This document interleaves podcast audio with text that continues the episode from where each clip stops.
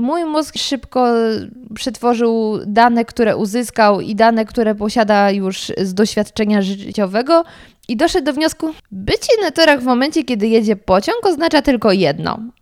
I to nie jest nic przyjemnego. Five, four, three, two, one.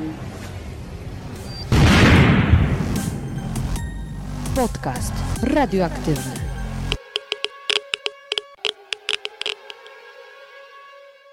Dzień dobry, dzień dobry. Witam Cię w kolejnym odcinku podcastu radioaktywnego.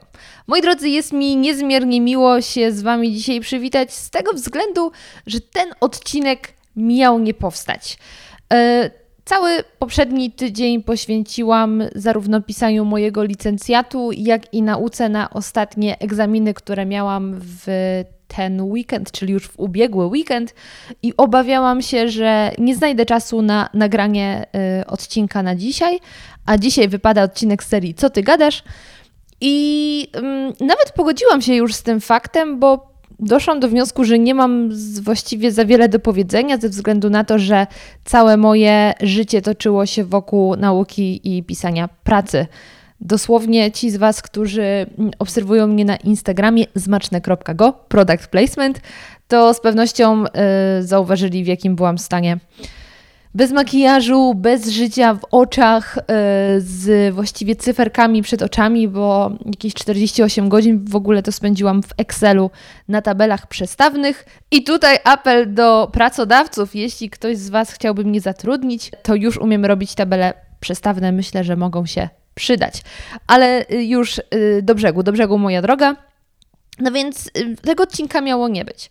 Ale wszystko zmieniło się w niedzielę, ponieważ wtedy wydarzyła się pewna historia, kiedy wracałam z Torunia do Warszawy, bo przypominam dla tych, którzy nie wiedzą o co chodzi w ogóle, to ja studiuję jeszcze w Toruniu i dojeżdżam tam na weekendy. I właśnie wracałam z tego Torunia i wydarzyła się historia, o której stwierdziłam, chcę opowiedzieć, bo jest ona.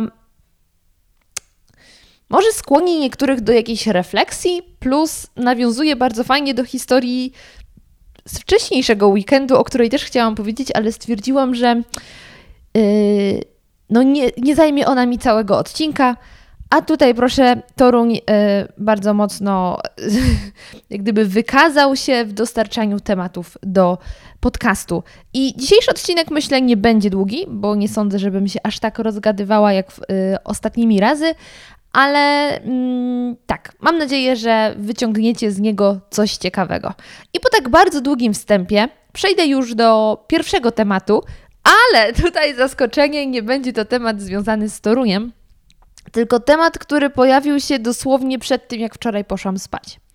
Ponieważ yy, wszyscy wiemy, wczoraj odbyły się wybory do Parlamentu Europejskiego.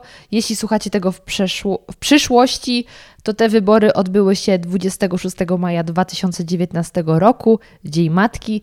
Jeśli zapomnieliście, to jeszcze macie okazję to nadrobić. I z okazji tych wyborów wrzuciłam na Twitter takiego tweeta. Wrzuciłam taki post yy, z mapką Warszawy, na której jest zaznaczona ulica yy, Obywatelska. I skąd w ogóle ten pomysł, żeby wrzucić taki post? Przejeżdżałam pociągiem, już wjeżdżaliśmy do Warszawy i yy, patrzyłam się przez okno i zobaczyłam, że jest ulica Obywatelska. I stwierdziłam, wow, no super, wrzucę post. E, I dałam tam taki opis. Teraz muszę na chwilę sięgnąć poza kadr. Magia. Ponieważ chcę Wam dokładnie e, przytoczyć tego tweeta. mój tweet brzmiał następująco. W tym miejscu znajduje się ulica Obywatelska w Warszawie. Na szczęście nie trzeba tam jechać, aby spełnić obywatelski obowiązek. W nawiasie, choć wolę określenie przywilej. I nie sądziłam, że ten tweet wywoła pewną dyskusję, e, dyskusję z jedną osobą, ponieważ ta osoba zareagowała, że mm, dlaczego mówię, że to jest przywilej, a nie obowiązek. Bo może właśnie z tego później względu ludzie mm, nie chodzą na wybory. I ja powiedziałam, Nie będę czytała całej tej, wasz, całej tej naszej dokładnie dyskusji słowo w słowo, ale odpowiedziałam na to, na to pytanie, powiedzmy, tym, że my z natury nie lubimy, kiedy nam się coś nakazuje.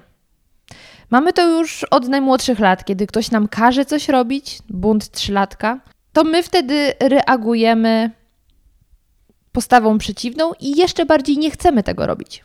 Dlatego, jeśli jak tylko słyszymy obowiązek, to w naszych głowach raczej pojawia się coś nieprzyjemnego, czego nie chcemy robić.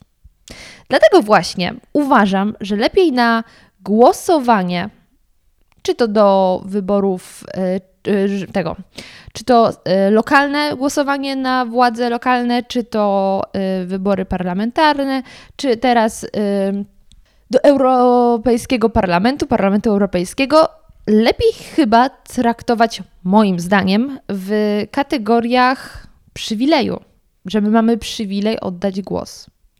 No i ta dziewczyna napisała, że ona się z tym nie zgadza, bo nie zgadza, bo potem ludzie, jak właśnie myślą, że to jest przywilej, to tego nie robią. A to jest ten obowiązek yy, i trzeba głosować. No więc ja mówię, że ogólnie to jest tak, że ja nie jestem patriotką. Ale myślę, że nie jest to dla Was zaskoczeniem, ponieważ już o tym wcześniej wspominałam w podcaście. I jeśli ktoś mi mówi, że ja mam obywatelski obowiązek, to wierzcie mi lub nie, ale mam ochotę parsknąć i się przeprowadzić. Bo ja nie uważam, żebym była temu państwu cokolwiek winna. Moja relacja z Polską jest dość skomplikowana, ponieważ ja uwielbiam, uwielbiam Polaków, bo wszyscy moi znajomi, no nie wszyscy, ale 90% moich znajomych to Polacy. Więc ja, jak ja mogę powiedzieć, że nie lubię Polaków? No, lubię siebie, lubię moją rodzinę, lubię moich znajomych, to są Polacy, więc powiedzenie nie lubię Polaków jest e, nad wyrost, na wyrost moim zdaniem. E, a poza tym my naprawdę jako społeczeństwo mamy wiele fajnych cech. Mamy też te złe. I z wieloma rzeczami się nie zgadzam i mi się nie podobają, ale jako tako Polaków lubię. Zresztą należymy do tego grona wszyscy, poza osobami z zagranicy, którzy słuchają podcastu, ale myślę, że jeśli słuchacie tego podcastu, to też znaczy, że w jakim stopniu lubicie Polaków, no bo ja jestem Polką. Yy, uwielbiam też przyrodę w naszym kraju. Jestem zachwycona Sudetami. Jak wiecie, ja pochodzę z tamtych stron i uważam, że to są najpiękniejsze tereny w Polsce. I ja wiem, są Mazury, tak, tak, tak, ale tak naprawdę na Dolnym Śląsku mamy i Mazury, i góry, więc wygraliśmy, sorry. Y, także Polska jest moim zdaniem przepięknym krajem, ale nie czuję się aż tak zżyta z tym krajem. To znaczy, ja jestem zżyta z częścią ludzi, jestem zżyta z moją rodziną, ale jeśli tych moich ludzi i tę moją rodzinę przenieść do innego miejsca, okej, okay, spoko, dam radę. Dla mnie najważniejsi są, są ci moi ludzie, a nie to, czy to się nazywa Polska, czy to się nazywa USA czy a, rzućmy Australią. No, bo nie, do Niemiec to nie. Do Niemiec to bym się zastanawiała. Ale wszędzie indziej okej. Okay. Dlatego jeśli ktoś mi mówi, że jestem winna temu kraju coś, to ja nie jestem temu kraju nic winna. Więc jeśli mam spełnić mój obywatelski obowiązek, to szybciej powiem, ja nic nie muszę. I to jest prawda, my tak naprawdę nic nie musimy. My możemy. Nawet mówi się, że musimy chodzić do pracy. W zasadzie to nie. My możemy chodzić do pracy i nie musimy. Oczywiście w konsekwencji potem nie mamy pieniędzy. Ale jak widać, są ludzie, którzy nie chodzą do pracy i mają pieniądze. To się nazywa zasiłek. Także nawet do pracy nie musimy chodzić. Możemy sobie kombinować na inne sposoby. Niektórzy kradną, nie muszą chodzić do pracy. Więc to jest wszystko kwestia naszego wyboru. Jeśli decydujemy się na to, żeby uczciwie yy, zarabiać pieniądze, no to chodzimy do pracy ale to jest nasza decyzja, świadomy wybór, a nie, że ktoś nam każe. Jak jesteśmy dorośli, to już nam nic nie można kazać. No i właśnie. I dlatego ja wychodzę z założenia, że jeśli ktoś mi powie, że ja mam obywatelski obowiązek coś zrobić, to jest wielce prawdopodobne, że odechce mi się tego robić. Prawdopodobnie to zrobię, ale z wielką niechęcią. Dlatego uznaję i uważam, że mamy prawo do głosowania. I właśnie użyłam tego określenia, określenia prawo do głosowania w tej dyskusji. No i ta dziewczyna wtedy powiedziała, że e, no właśnie, tu chodzi o prawo i to prawo, y, do prawa trzeba się dostosować i prawo wypełniać, działać jak gdyby zgodnie z prawem. Na to ja mówię, że to wcale nie jest rozwiązanie tematu, ponieważ my mamy prawo głosować, ale prawo nie jest nakazem. Bo to tak jak um, jedziecie samochodem, czy jako pasażerowie, czy jako kierowcy, nieważne czy macie prawo jazdy. Wyobraźcie sobie, że macie skręt w prawo i nie macie zakazu. Nie ma zakazu skrętu w prawo. To co to oznacza? Że możecie jechać prosto, albo możecie skręcić w prawo. Nie jest to nakaz, że wy musicie skręcić w prawo. Nie ma tam zakazu, czyli nie, że nie możecie skręcić w prawo. Możecie, ale nie musicie. Dlatego to jest prawo. Naszym prawem mm, prawo nie mówi masz obowiązek głosu, tylko prawo mówi masz możliwość głosu. I żeby teraz nie było tak, że ja mam przywilej głosu, to w sumie mi się nie chce, to należy podjąć zupełnie inną dyskusję, czyli jak edukować, czyli co zrobić, żeby ludzie chcieli, żeby um, mieli poczucie, że to jest coś fajnego, bo my lubimy mieć przywileje, lubimy się nawet tym często obnosić. Przywilej kojarzy nam się z jakimś zyskiem od razu, kojarzy nam się z jakimś prestiżem. Więc uważam, że określenie przywilej głosowania jest o wiele lepsze niż obowiązek obywatelski. Bo od razu ma się do tego inne podejście, że ja jestem tutaj osobą na tyle istotną, na tyle e, spełniającą jakieś kryteria, że mam przywilej. To tak jak należycie do jakiejś grupy czy do jakiegoś klubu i ten klub ma swoje przywileje. I to od razu nam podnosi morale. Dlatego uważam, że ważniejsze jest to, żeby ludziom pokazać, dlaczego warto z tego przywileju skorzystać, dlaczego jest to istotne, ale nie powiedzieć musisz iść na wybory, bo ja nic nie muszę i od razu rodzi się we mnie yy, sprzeciw. Po, po, pojawia się mała gocha, tu, która tupka, yy, tupta nóżką i mówi nie. A jak słyszę, że mam możliwość, to pojawia się już dorosła gocha i mówi rozważę, powiedz mi dlaczego warto. I jeśli ktoś mi powie dlaczego warto, to ja z wielką radością z tego przywileju skorzystam. Ta historia, ta moja rozkmina jest dowodem na to, że warto było wczoraj grać przez 8 godzin w Simsy i stwierdzić, dobra, nagram podcast rano, bo dzięki temu pojawiła się taka historia, e, którą mogłam się z Wami podzielić i nie uważam, że to jest jedyne słuszne myślenie. Jest to, jest to skuteczne i dobre dla mnie, bo ja wolę myśleć w kategorii przywilejów, możliwości niż obowiązków. Więc y, właśnie dlatego ja chodzę na wybory, ponieważ myślę, że to jest przywilej i ja mam y, możliwość wyrażenia swojego zdania. Czy ono potem efekt, y, ostatecznie da jakiś efekt? No, trudno powiedzieć.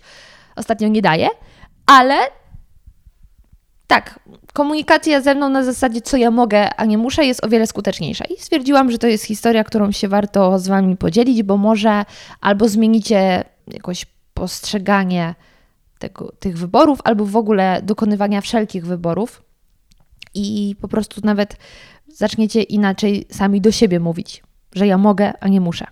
Wtedy żyje się trochę łatwiej i też ten model mogę, nie muszę, wiem, że jest propsowany, że tak powiem, y, kolokwialnie przez y, psychologów, ponieważ to właśnie moja pani psycholog zaczęła mi uświadamiać tę różnicę pomiędzy muszę, chcę, a mogę. E, więc y, sprzedałam Wam wiedzę, którą usłyszałam. Ale nie będę się na jej temat rozwodzić, bo to jest bardzo głębokie i to nie jest miejsce tutaj. Poza tym, ja nie jestem specjalistką, nie jestem psychologiem.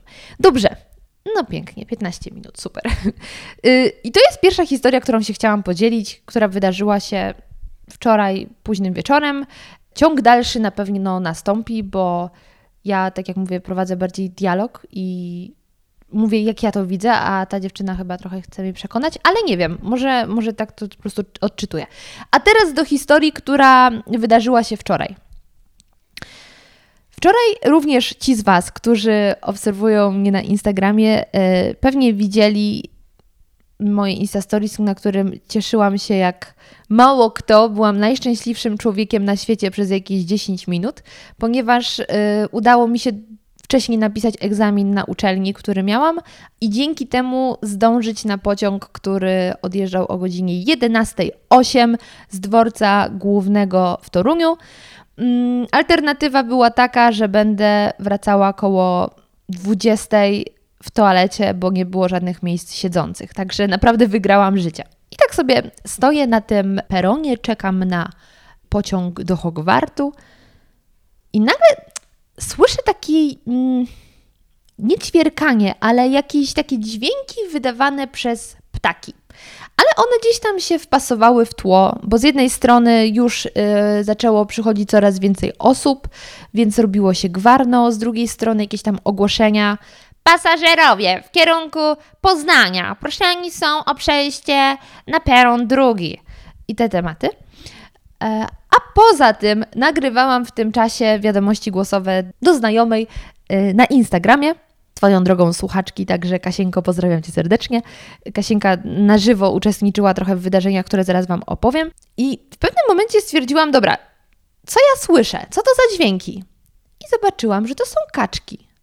Malutkie kaczki, myślę, że było ich pięć albo sześć, które tuptają jedna za drugą po torach. Po torach szły kaczuszki, które bardzo głośno piszczały, ponieważ szukały swojej mamy.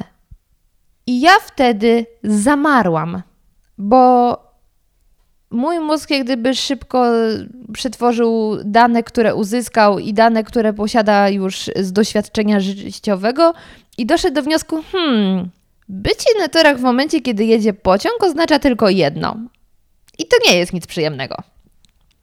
I wtedy właściwie spanikowałam i stwierdziłam, ja muszę z tymi kaczkami coś zrobić, bo mnóstwo ludzi dookoła, nikt nie reaguje, a tutaj są kaczki, które za chwilę zginą i to dlatego, że szukają swojej mamy. Więc yy, mimo, że miałam do odjazdu pociągu 10 minut, to szybko przebiegłam pod ziemią i dotarłam z powrotem do budynku głównego i myślę, Boże, z kim porozmawiać? Tu powinien być jakiś kierownik yy, peronu czy coś takiego. No, potrzebuję pomocy dla tych kaczek. Yy, I podbiegłam do okienka, do pani z biletami i mówię jakaś sytuacja. Ja mówię, proszę pani, ja wiem, że to, co zaraz powiem, jest bardzo dziwne, ale potrzebuję kontakt do jakiejś osoby, która tutaj zarządza, jakiegoś kierownika, ochrony, nie wiem, po prostu tam na torach są kaczki, które szukają swojej mamy, zgubiły się i zaraz przyjedzie pociąg i one zginą. Pani popatrzyła na mnie tak, okej, okay, ukryta kamera, a może ona coś ćpała. Juvenalia były niedawno w Toruniu. Hmm. Więc popatrzyła na mnie pobłażliwie i odpowiedziała, no ja nic nie mogę poradzić to może do ochrony. Ja mówię, dobrze, a gdzie znajdę ochronę? A w drugim budynku. Mówię, okej, okay, to dziękuję. E, bo zapytałam, czy jeszcze ona mogłaby się z nimi skontaktować, ale powiedziała, że, że nie. No dobra, więc pobiegłam do tego drugiego budynku. Patrzę na drzwi, ochrona jest. Jest dzwonek, dzwonię. Nikt nie otwiera. Przerażona, wróciłam szybko na peron i zaczęłam po pierwsze rozglądać się za ochroną personalnie, żeby to byli już ludzie realni, nie tylko telefon. I zaczęłam patrzeć, co z tymi kaczkami, gdzie one się podziały, bo nagle ich przestałam, e, przestałam je słyszeć. Wtedy też zadzwoniłam do mojej mamy. Zaczęłam ją prosić o to, żeby mi potwierdziła, że pomiędzy pociągiem a torami jest przestrzeń, żeby im się nic nie stało. No i moja mama uświadomiła mi, że potwierdziła moje oczekiwania, moje przypuszczenia, że ta przestrzeń tam jest powiem Wam, że zaczęłam wracać w kierunku tej, y, no, tego przejścia, gdzie mogę wrócić na mój peron, bo za 6 minut miałam mieć pociąg.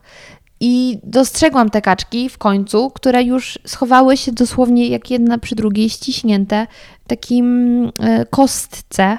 No takie jak są na chodnikach. I tak się bardzo mocno skuliły i siedziały. I wtedy moje serce zamarło i stwierdziłam, nie, nie mam po prostu możliwości nic zrobić i jest mi z tym bardzo źle. Wróciłam na przeciwny peron, rozmawiając ciągle z mamą i uświadomiłam sobie, że na tym dworcu jest hostel. Ym, I zadzwonię może do, tam do tej recepcji i poproszę tą panią o pomoc, bo no, mój pociąg przyjeżdżał za 4 minuty. Zadzwoniłam do tej pani. Ta pani na szczęście nie potraktowała mnie jako wariatkę. Natomiast wtedy uświadomiłam sobie, że w sytuacjach stresogennych jestem mało rzeczowa, bo próbowałam tej pani wyjaśnić, o który peron chodzi, o które tory, ale średnio mi to wychodziło. A to dlatego, że zauważyłam, że na tory wszedł jakiś mężczyzna, który ewidentnie zauważył te kaczuszki. Y, zauważył te kaczuszki i chyba na początku próbował je jakoś wyciągnąć, ale zobaczyłam, że w pewnym momencie zrezygnował. Poza tym pociąg, który tam miał nadjechać, też nadjeżdżał za 3 minuty. Więc ja zaczęłam iść w tamtą stronę. A, a co istotne, ja się przez cały czas zastanawiałam, gdzie jest ich matka. Gdzie się podziała ich matka, kiedy no, maleństwa są na torach. Zlokalizowałam tą matkę. Ona była po przeciwnej stronie, zupełnie po przeciwnych torach i bardzo głośno piszczała czy coś. Ja nie wiem, co robią kaczki. Co robią kaczki? Nie klekoczą. Nie wiem, no to co robią kaczki, nie?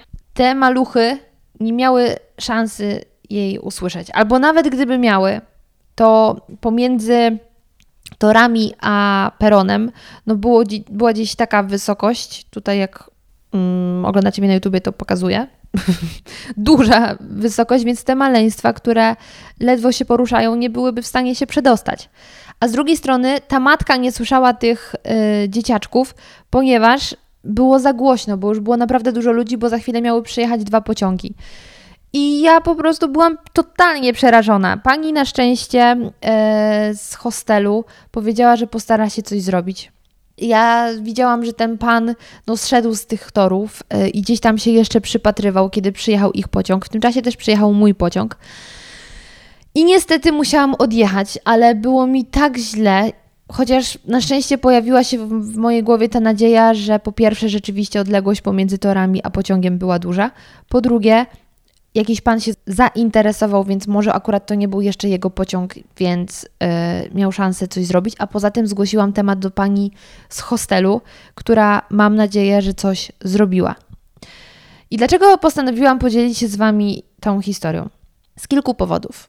Po pierwsze, ta historia doskonale mi zobrazowała, chociaż ja już byłam tego świadoma, ale chyba zobrazowała światu, jak ja się zrobiłam wrażliwa. Bo ja kiedyś rzeczywiście zgrywałam twardzielkę. No byłam twarda i mówiłam, że mało co mnie rusza i tak dalej. No ale właśnie, to już wspominałam Wam w ostatnim, co Ty gadasz.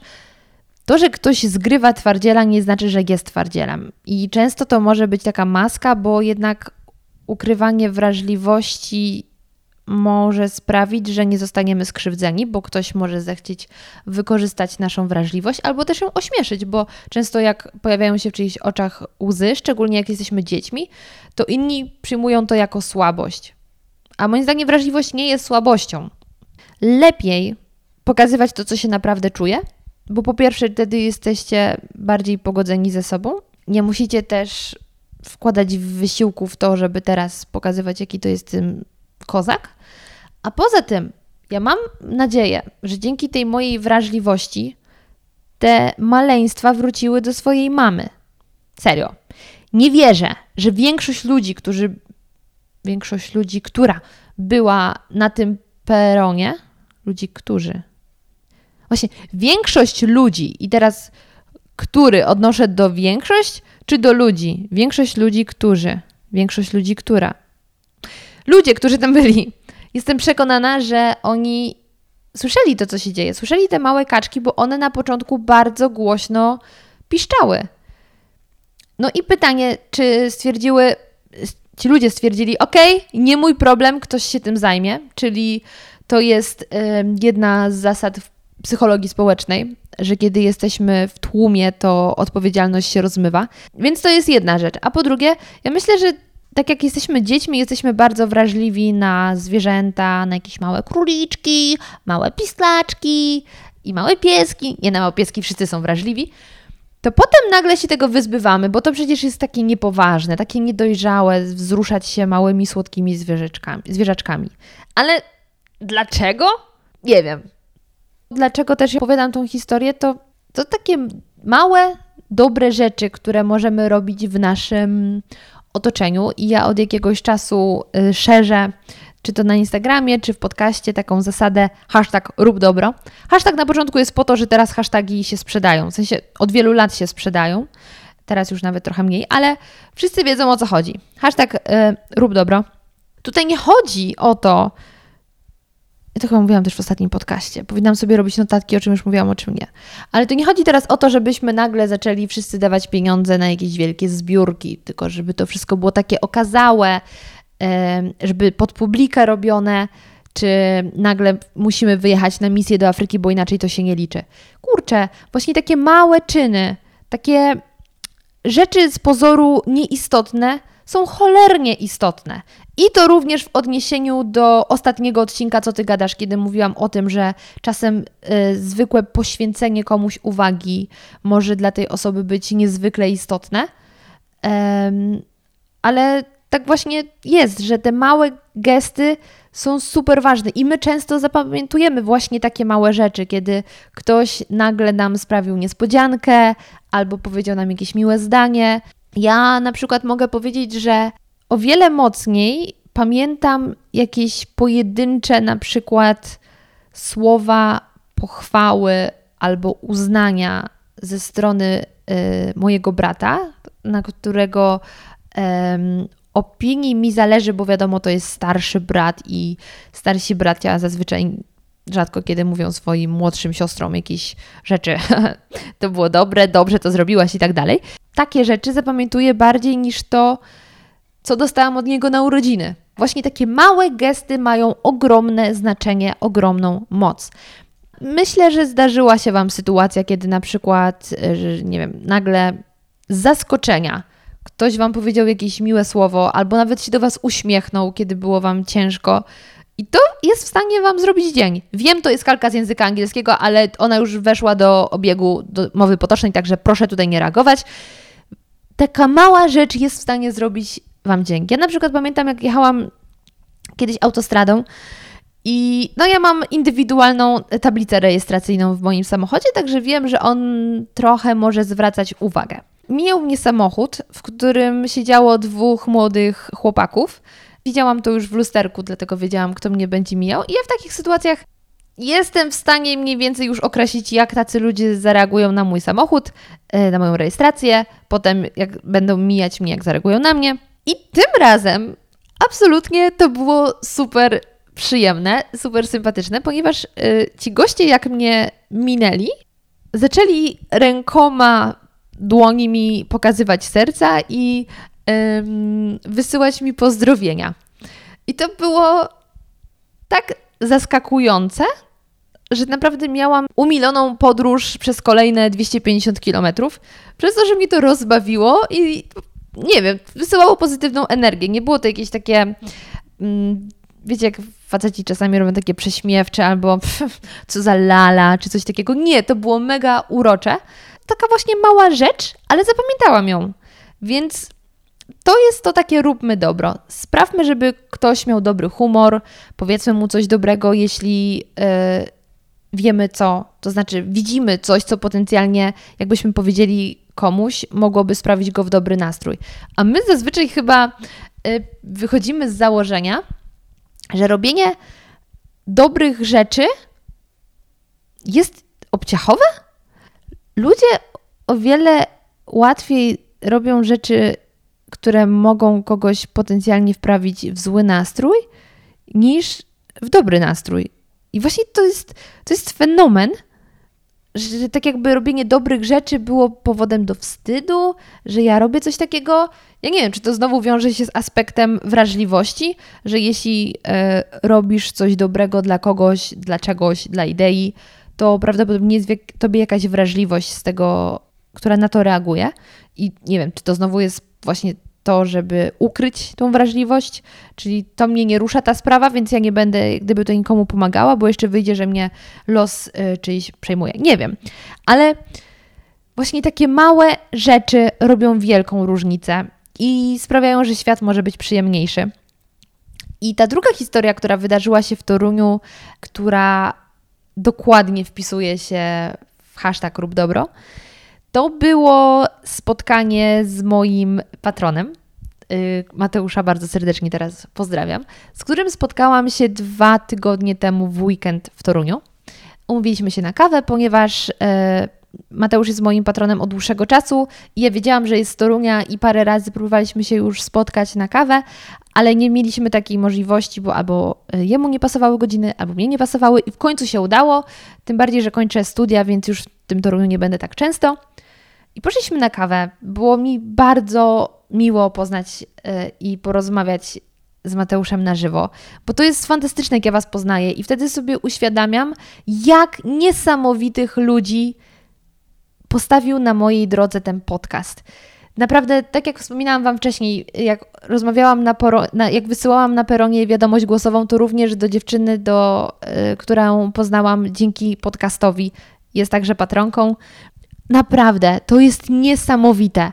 Nie będę teraz zdradzała dokładnej, dokładnej historii Mateusza, bo nie uważam, żeby to było w ogóle stosowne.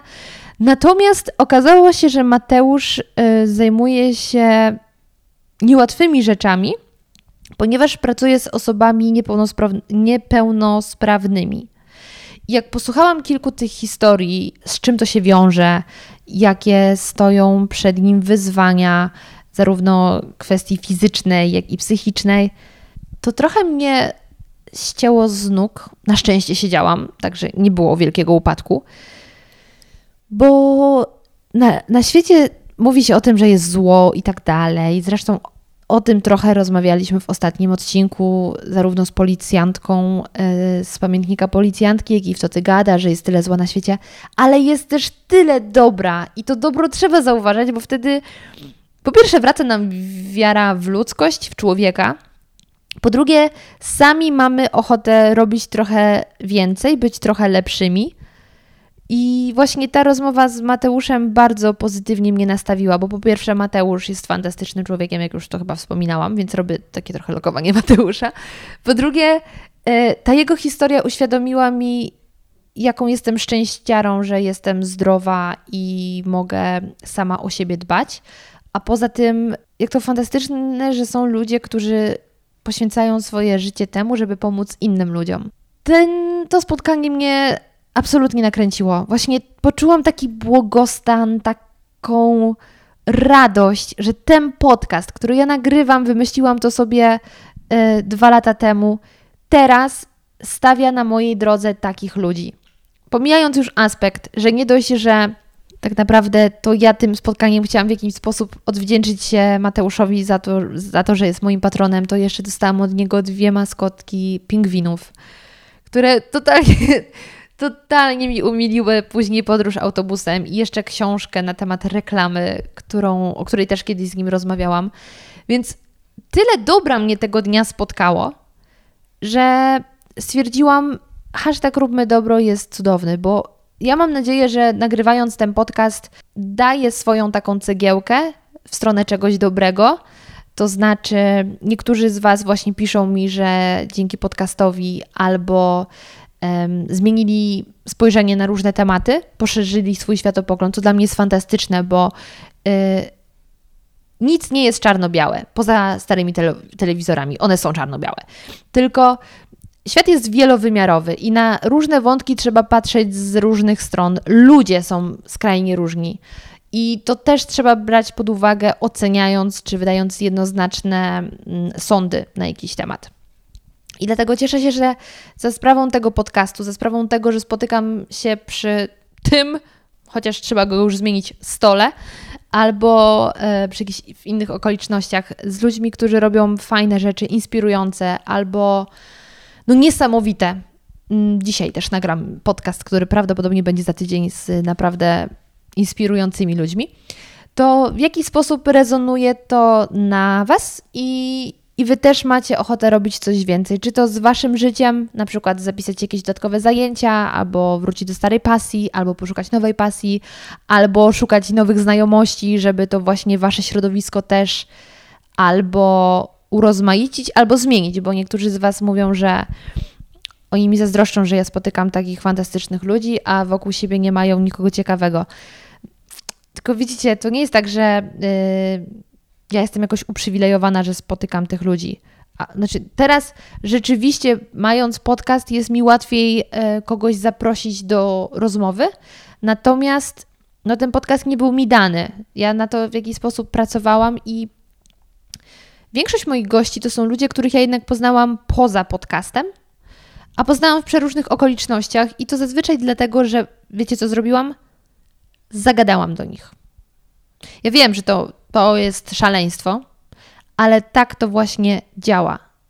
Żeby dowiedzieć się czegoś ciekawego o człowieku, nawet uświadomić sobie, że to jest niezwykle ciekawa postać, trzeba się do niej odezwać i pogadać. Bo oczywiście ktoś może powiedzieć, no ale są social media, już stamtąd można się dużo dowiedzieć dupa.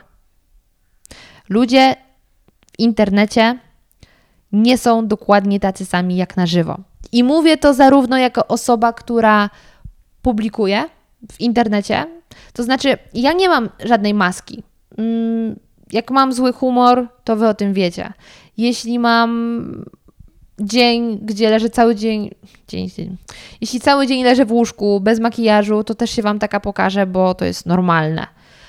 Ale Wy jednak widzicie jakiś wycinek życia, e, a przecież mamy jeszcze życie prywatne, życie rodzinne, życie zawodowe, życie jakieś związane z edukacją i my tam no nie będziemy identyczni jak w internecie, bo różne te środowiska wymagają od nas różnych ról w kontekście na przykład okazywania mocniej jakichś konkretnych cech, umiejętności, um, albo nawet tematów, na które się rozmawia. Bo dobra, ja rzeczywiście praktycznie niezależnie od środowiska, w którym przybywam, rozmawiam na jakieś takie dziwne tematy, rozkminiam, Weltschmerz i te sprawy. Natomiast wiadomo, że jeśli jestem w towarzystwie rodziców, to te tematy są inne i ja też jestem inna, bo wtedy dalej przyjmuję taką pozę trochę dziecka, e, niż kiedy zapraszam tutaj kogoś do stolika albo kiedy jestem na uczelni. No to są zupełnie różne rzeczy. Więc yy, po pierwsze, mówię to z autopsji, że ludzie w internecie nie są dokładnie tacy sami. Mogą być podobni, ale nie są dokładnie tacy sami. A po drugie, mówię to dlatego, że sama poznałam na żywo bardzo wiele osób, które znałam dotychczas albo z Instagrama, albo ze świata YouTube'a. I wierzcie mi, to są różne osoby. Tak. To, co, o czym mówią w internecie, to nie jest dokładnie to, co widzicie na żywo. E, bo niektórzy w ogóle grają i to już jest inny temat, że wtedy na żywo absolutnie się zastanawiasz, serio? To ja kiedyś go inaczej postrzegałem? No tak. Yy, więc to trzeba mieć na uwadze, że internet yy, nie do końca jest taki, albo nie do końca pokazuje to, jak jest naprawdę. I teraz zastanawiam się, dlaczego ja doszłam do ludzi w internecie. Nie wiem, jak zawędrowałam. tak, zgubiłam się w mojej dygresji. Wow. W każdym razie, yy, myślę, że to, co już miałam powiedzieć, powiedziałam. I scalając to wszystko. A! Ha! Ha! ha wiem! Wiem, że właśnie ja spotykam ciekawych ludzi i wystarczy się do nich odezwać. Tak, dlatego jeśli yy, czujecie, że potrzebujecie odświeżyć swoje środowisko, pójdźcie w jakieś różne miejsca. Ja wiem, że w małych miejscowościach to wygląda inaczej. To nie jest tak, że teraz mieszkam w Warszawie, więc tutaj w ogóle jestem taką cwaniarą. Zdaję sobie sprawę, że w mniejszych miejscowościach jest trudno, na wsiach i tak dalej. Ale nie ma rzeczy nie do przeskoczenia. Ja też ze wsi, naprawdę ze wsi, trafiłam tutaj. Trzeba wychodzić do ludzi, jak są okazje, próbować jakichś wycieczek organizowanych, albo zapisać się na jakieś koła, albo nawet pojechać do tej większej miejscowości i tam zapisać się na jakąś jogę, czy do jakiejś szkoły muzycznej i szukać kontaktu z ludźmi z różnych światów, z różnych dziedzin, bo dzięki temu rozszerza się ten nasz światopogląd i stąd wyszłam. Brawo, wróciłam, wróciłam na drogę. Że właśnie ten podcast rozszerza światopogląd, sprawia, że chcecie robić inne rzeczy. I też mówicie, że wprawia Was w dobry nastrój, że lubicie poniedziałki albo w ogóle lubicie sytuacje, momenty w ciągu dnia, kiedy słuchacie podcastu i to Was pozytywnie nakręca. I to, mam nadzieję, jest taka moja cegiełka, którą ja staram się na jakąś większą skalę. Co robić z tą cegiełką? No, nie będę rzucać cegłami, więc budować coś, budować takie dobro, ale też w codziennych sytuacjach staram się to robić. I też jak na grupie z patronami ostatnio rozmawialiśmy, nie pamiętam już dokładnie na jaki temat, ale pojawił się wątek, że dwóch chłopaków pracowało kiedyś w kinie i że bardzo, bardzo sympatycznie wspominają e, panie sprzątaczki, z którymi często prowadzili różne dyskusje i mówili, że to są super babki. I to jest właśnie to. E, I w ogóle wątek pani sprzątaczki pojawił się już w podcaście o Islandii, kiedy rozmawiałyśmy o tym, jak osoby z takiej strony bardziej zaopatrzenia czy utrzymania budynku traktuje się na przykład w korporacjach w stosunku do tego, jak to się robi za granicą. Na Islandii tutaj dokładny był przykład. I ja też właśnie uwielbiam i staram się traktować osoby, które dla wielu wydają się takim dodatkiem, jako pełnoprawnych ludzi. To znaczy, kiedy jestem w restauracji i widzę ku temu przestrzeń, to staram się zażartować z kelnerką, z panią w barze. Oczywiście, tak jak mówię, trzeba wyłapać kontekst, czy ta pani w ogóle ma na to ochotę, ale często ci ludzie są absolutnie spragnieni jakiejś luźnej rozmowy, kiedy ktoś nie spojrzy na nich jak tutaj kasjerka Anna, tylko na panią Anię, z którą można zamienić parę słów. I tak samo panie, które sprzątają w moim bloku. Uwielbiam z nimi rozmawiać. To są tak miłe babeczki, którym brakuje tego kontaktu. Dlatego takie małe gesty wokół nas, jak będziemy robić, to ja naprawdę wierzę, że świat będzie lepszy. I to znowu nawiązuje do ostatniego podcastu z policjantką teoria wybitych szyb.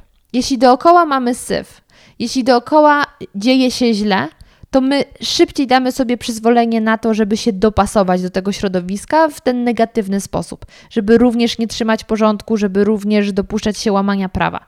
Ale jeśli wokół nas jest porządek, jeśli obracamy się w przyjaznym otoczeniu, to nie będziemy wcale mieli ochoty się wyłamywać. Również będziemy chcieli kontynuować tą pozytywną energię, to dobro, które się dookoła dzieje. I ja wiem, że w ogóle słowo dobro wydaje się takie banalne, albo, albo z drugiej strony wręcz takie wielkie. Bo banalne na zasadzie, co to jest dobro? No to jest y, pojęcie abstrakcyjne. A z drugiej strony, jak mówimy dobro, to już właśnie kojarzymy jakieś, nie wiem, budowanie studni w Afryce. Tylko o takie małe rzeczy, które też można nazwać dobrem. Można to nazwać też jakoś zupełnie inaczej nie wiem, na przykład mm, gąciarz odnośnie do takich rzeczy, które nas zachwycają w ciągu dnia, takich malutkich, e, wymyślił stwierdzenie mikrozachwyt. Więc, moi drodzy, jakbyście mieli e, pomysł, jak moglibyśmy nazwać takie to dobro, czyli te takie małe rzeczy, które możemy codziennie robić, żeby świat był trochę bardziej znośny, przyjazny dla jego mieszkańców, to dajcie mi znać, bo jestem ciekawa, czy moglibyśmy jakieś fajne słowo tutaj wymyślić, które nie będzie takie trochę nadmuchane, a z drugiej strony trochę banalne. No nie wiem. Jakbyście mieli jakieś pomysły, to czekam. Bardzo chętnie podzielę się z Wami potem tym, co mi podesłaliście i jakie rzuciliście propozycje. No i to właściwie tyle. Pierwszy temat, który dzisiaj poruszyłam, czyli już taką tutaj zrobimy klamerkę, to kwestia przywileju głosowania, w ogóle przywilejów i możliwości, jakie mamy, a nie obowiązków. A druga to właśnie te małe rzeczy i wrażliwość. Nie ma co wstydzić się swojej wrażliwości. I też nie ma co innych wyśmiewać przez wrażliwość, bo mam wrażenie, że jeśli ktoś wyśmiewa czyjąś wrażliwość, to tylko po to, żeby ktoś inny nie zarzucił mu, że on jest wrażliwy. Więc łatwiej jak gdyby jest zaatakować, yy, forma ataku, niż potem się bronić, że o, rzeczywiście też jestem wrażliwy. No. I to tyle. W tym tygodniu, chyba że jeszcze w trakcie mówienia zmienię zdanie, nie będę Wam polecała niczego konkretnego do oglądania z kilku przyczyn. E, po pierwsze, nie oglądałam za wiele w tym tygodniu, ponieważ pisałam pracę. Naprawdę jestem z siebie dumna, że tak pieczołowicie to robiłam. A po drugie, chyba nic na mnie aż takiego wrażenia nie zrobiło. Oglądałam dokument e, braci Sekielskich, bo też mnie o to pytaliście. I muszę powiedzieć, że bardzo się cieszę przede wszystkim, jak wiele osób go oglądało, czy to w internecie, czy potem w telewizji, kiedy był emitowany na różnych stacjach. To mnie bardzo cieszy, bo mam nadzieję, że coś się zmieni. I To jest bardzo gruby temat, więc ja też nie chcę jakoś specjalnie się tutaj w niego zagłębiać. Natomiast y, prawda jest taka, że na mnie ten dokument nie zrobił aż takiego wrażenia, bo w tematach pedofilii w kościele nie jest to temat nowy, zaskakujący. To nie jest coś, co nagle totalnie zmieniło moje postrzeganie tej instytucji. No nie. Natomiast ja w ostatnim czasie obejrzałam kilka filmów dokumentalnych w ogóle o pedofilach. I dlatego rzeczy, o których słyszałam, nie robiły na mnie już takiego wrażenia. Dlatego, że taki film, który bardzo mocno na mnie zadziałał, to był dokument, który oglądałam, wydaje mi się, na HBO o fizjoterapeucie damskiej drużyny olimpijskiej w gimnastyce, który przez 20 lat molestował zawodniczki, różne, bo niektóre miały 6 lat, teraz mają 30, niektóre jak przyszły miały 15 lat, teraz mają 20 parę. I ten facet był ich fizjoterapeutą dotykał ich w ramach niby kontroli lekarskiej. I też można by powiedzieć, no ale jak to możliwe, że nikt nie reagował? No właśnie. Po obejrzeniu kilku tych dokumentów zaczyna się dostrzegać schemat zarówno działania tego pedofila, oprawcy, jak i osób poszkodowanych. Coś dzieje się w ich głowach, albo z jednej strony jakieś wyparcie następuje, z drugiej strony e, próba nawet dogadania się z rodzicami, którzy nie reagują, bo przecież mówią, no przecież tam się na pewno nic nie dzieje, bo mają zaufanie do tej osoby, o której mowa. E, z kolejnej, z trzeciej strony, te ofiary często nie do końca są na przykład przekonane, na ile to jeszcze jest normalne, bo jak fizjoterapeuta robi ci różne rzeczy, to nie wiesz, czy to jest coś złego, czy to jest zwykła procedura lekarska. Tym bardziej, kiedy jesteś dzieckiem albo nastolatką. Ten dokument totalnie mnie zniszczył, dlatego dokument braci Sekielskich pod kątem samego zjawiska mnie nie poruszył tak bardzo, bo to jest straszne w ogóle, o czym się słucha. Natomiast, tak jak mówię, no, mam wrażenie, że to nie, nie usłyszałam niczego, czego bym jeszcze nie wiedziała albo o samym zjawisku pedofilii w kościele, albo o motywach i sposobach działania pedofilii, pedofilów. To, co mnie jednak bardzo cieszy, to właśnie to, że ludzie być może zaczną szerzej patrzeć na ten problem. I tutaj troszeczkę wiem, że znowu jest to coś kontrowersyjnego, e, ale ja już chyba po prostu mam taką osobowość, że nie udaje mi się unikać kontrowersji. Nawiązuję do dokumentu o Michaelu Jacksonie, bo dla mnie jest zastanawiające, jak ludzie uważający, że Michael Jackson był czysty jak łza, mówią to z taką pełną świadomością, takim pełnym przekonaniem, że oni są pewni, że Michael jest niewinny. A pytanie, skąd oni to wiedzą? Skąd oni to wiedzą, jak nawet sąd tego nie wie, a ma cały materiał dowodowy? To, że my chcemy wierzyć w jakiś obraz danej osoby, to jest zupełnie inny temat w stosunku do tego, jaką ona osobą jest faktycznie, co ona faktycznie robi. To zresztą wracamy do tematu ludzi w internecie. Nie wszystko jest takim, jakie się wydaje. I mówienie, że ci faceci, teraz już dorośli, zrobili to dla pieniędzy, wydaje mi się z tych, spośród tych wszystkich chyba najsłabszym argumentem, bo ja nie wiem, ile milionów, ile set milionów fanów na świecie ma Jackson, mimo że od dawna nie żyje oni w większości zareagowali podobnie, czyli jak oni śmiali e, w ogóle zarzucać cokolwiek Michaelowi. Ja nie wiem, jakie pieniądze i skąd ci faceci mieliby otrzymać, żeby one zrekompensowały hejt, z jakim się spotkali i ile osób zaczęło im grozić i ich rodzinom, że ich pozabija. E, kolejna rzecz, kolejny argument przytaczany – to było to, że oni nagle zmienili zeznania, bo przecież jako dziecko się do niczego nie przyznali. I właśnie mam nadzieję, że po obejrzeniu takiego dokumentu, czy to o braci Sekielskich, czy to y, o tych, o tych zawodniczkach y, gimnastycznych, ludzie zaczną troszeczkę bardziej rozumieć, w jaki sposób myśli ofiara. Że to nie jest tak proste, że jak ktoś zrobił ci krzywdę, to ja powiem i wszyscy mi uwierzą i już po problemie. Te osoby są zniszczone psychicznie. Tak jak widzieliśmy tych dorosłych mężczyzn, którzy opowiadali swoją historię e, w dokumencie braci Sekielskich, to widać, że oni do dziś niektórych rzeczy nie przepracowali. To jest, to musi być tak wielka krzywda, której się łatwo i tak natychmiast nie przepracuje. Dlatego to, że ofiara po iluś tam nawet latach zmienia zeznania, też nie jest dla mnie rzeczą zaskakującą. To, że nawet rodzice często nie reagują, to też przestaje mnie dziwić, bo ci pedofile bardzo często są przyjaciółmi rodziny, właśnie żeby zwieść ich podejrzenia i zdobyć właśnie to zaufanie, dzięki czemu nikt nie będzie podejrzewał, że tam jakieś nieprawidłowe rzeczy się dzieją. To, co chciałabym powtórzyć. Ja nie wiem, jaka jest prawda, ale tak samo nie wiesz tego ty, ani nie wie to twój znajomy, ani nawet największy fan Michaela Jacksona, bo nas tam nie było. Więc my możemy tylko jakieś domniemania robić, przy czym należy pamiętać, że nasza potrzeba utrzymania dobrego zdania o danej osobie nie powinna być e, powodem, dla którego się ją też wybiela. Bo tak samo jest z tymi rodzicami. Oni często tym ofiarom księdzów pedofilii nie wierzyli.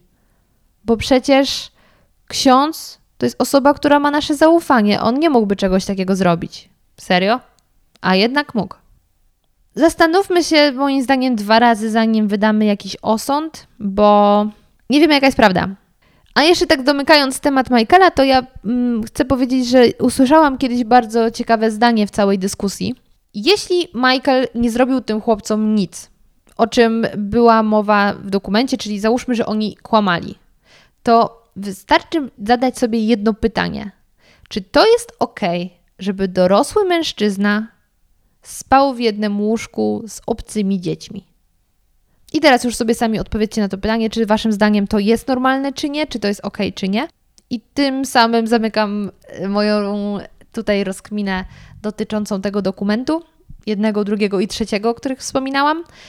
No zrobiło się tak trochę podniośle, ale yy, poważnie, ale pytaliście mnie o to, czy oglądałam, także oglądałam. I bardzo się cieszę, że ten dokument yy, powstał i jestem też przeszczęśliwa, że stało się to za sprawą Patronite'a, bo to jest niesamowita platforma. Ja ostatnio będąc na Influencer Live Poznań, takiej konferencji, spotkałam się na żywo z Mateuszem, który jest jednym z takich twórców Patronite'a.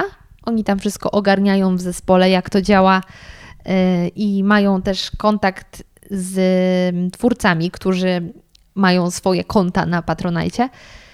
I to jest fantastyczne, jak widzieć, jak oni się angażują w każdy jeden profil, w pomoc każdemu jednego, jednemu twórcy, który jest na Patronite i stara się zdobyć wsparcie finansowe od jakichś swoich słuchaczy, widzów, fanów, czy tak jak właśnie bracia Sekielscy od ludzi, którzy chcieli dowiedzieć się więcej i ten temat wyciągnąć na światło dzienne. Także Patronite jest niesamowity i możecie mi wierzyć, że tworzą go wspaniali ludzie. I to mówię zarówno właśnie o twórcach samego Patronite'a, jak i o społeczności bo y, ja teraz już kończę nagrywać, biorę się za montaż, bo i tak mamy opóźnienie w publikacji tego odcinka i za chwilę wchodzę na naszą grupę dla patronów, na której tydzień temu powiedziałam, moi drodzy, nie ma mnie. Muszę uporać się z moim demonem, jakim jest praca licencjacka i wracam do Was za tydzień. Także możecie tutaj pisać różne rzeczy, które będę mogła odczytać po powrocie, y, poprawić sobie jakoś humor i w ciągu tygodnia dostawałam powiadomienia, że są nowe posty, ale stwierdziłam nie, nie wchodzę, bo muszę to napisać, muszę napisać tą pracę. I teraz wreszcie wejdę i zobaczę, co tam się działo. A, a dzieje się tam wiele. Także moja droga, kochana społeczności, moi drodzy patronusi, ja Wam bardzo dziękuję. I dziękuję również Wam, moi drodzy słuchacze, za to, że dotrwaliście ze mną do końca tego odcinka, który zaczął się politycznie, quasi politycznie, Potem y, było troszeczkę o kaczkach, które mam nadzieję żyją, było o wrażliwości, potem było o braciach Sekielskich. Także myślę, że całkiem bogato wyszło. Na zasadzie dużo rzeczy, o wielu rzeczach powiedziałam, co jest tym bardziej zaskakujące, bo jeszcze w sobotę myślałam, że dzisiejszy podcast nie powstanie, bo nie mam nic do powiedzenia. No, a jednak trochę miałam. Także bardzo, bardzo Wam dziękuję Życzę Wam wspaniałego tygodnia i tego, żeby w końcu wiosna została z nami na dłużej, bo ja mam wrażenie, że zaraz po tej wiośnie przyjdzie jesień, a powinno przyjść lato. Także yy, trzymam kciuki za Was w tym tygodniu i trzymam kciuki za pogodę. I cóż, do usłyszenia już niedługo.